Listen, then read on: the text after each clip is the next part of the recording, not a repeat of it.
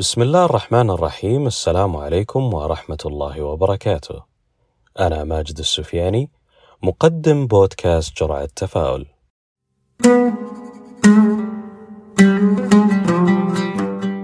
كثير من الناس يطمح ويطمع لتغيير حياته إلى الأفضل بشكل عام. سواء على المستوى الصحي أو النفسي أو المادي وحتى الاجتماعي والوظيفي.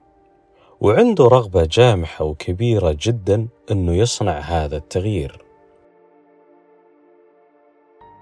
يتأمل ويشوف أحوال الناس اللي حوله اللي هم متقدمين عليه وأعلى منه في المجالات اللي ذكرناها قبل شوي ويتمنى يكون مثلهم بطبيعة الحال. ولكن السؤال اللي يتبادر إلى الذهن هل الرغبة هذه حقيقية؟ كل واحد فينا يسأل نفسه هذا السؤال لأنه هو المؤشر. اللي راح يوجهك إلى الطريق الملائم لك. إذا كانت الإجابة لا، فالأمر منتهي. أما إذا الإجابة كانت نعم، بيكون هناك سؤال ثاني. إلى أي درجة أنت مستعد تقدم وتتعب وتغامر وممكن تضحي عشان تغير الأمور اللي تضايقك في حياتك؟ إذا ما في أي استعداد فمعنى ذلك نرجع خطوة وراء زي ما ذكرنا قبل شوي ونعتبر الأمر منتهي.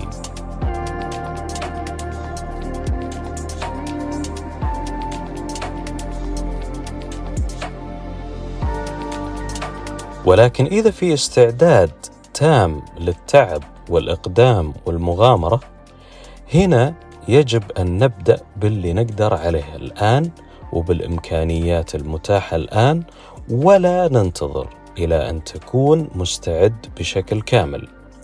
لأننا لن نكون مستعدين بالكامل لأي أمر في الحياة ابدا.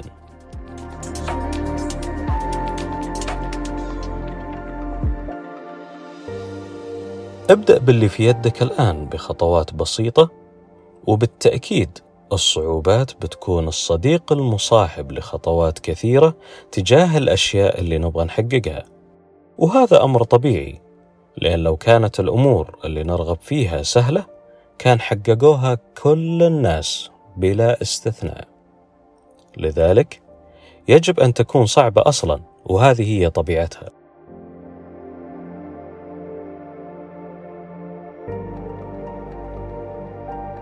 غامر مغامرة محسوبة وابدا كل شيء في حياتنا في جانب مجازفة ومغامرة. الحصول على وظيفة يحتمل مغامرة أنك تنفصل. الزواج فيه مغامرة أنه يفشل. الدراسة فيها مغامرة الرسوب. التجارة فيها مغامرة الخسارة. وتأمل أمور كثيرة في حياتك تجد أنها تحتمل مغامرة ومع ذلك أقدمت عليها ونجحت في عدة تجارب منها. فما هو المانع الآن من خوض مغامرة جديدة؟ بل بالعكس كون أنك ما تتحرك لتجارب جديدة في الحياة واكتفائك بما أنت عليه الآن هو بحد ذاته مغامرة ممكن منها تفقد مهاراتك الحالية بسبب عدم تطويرك لها. إذا ما كانت عندك روح المغامرة فلن تكبر وتتطور أبدا.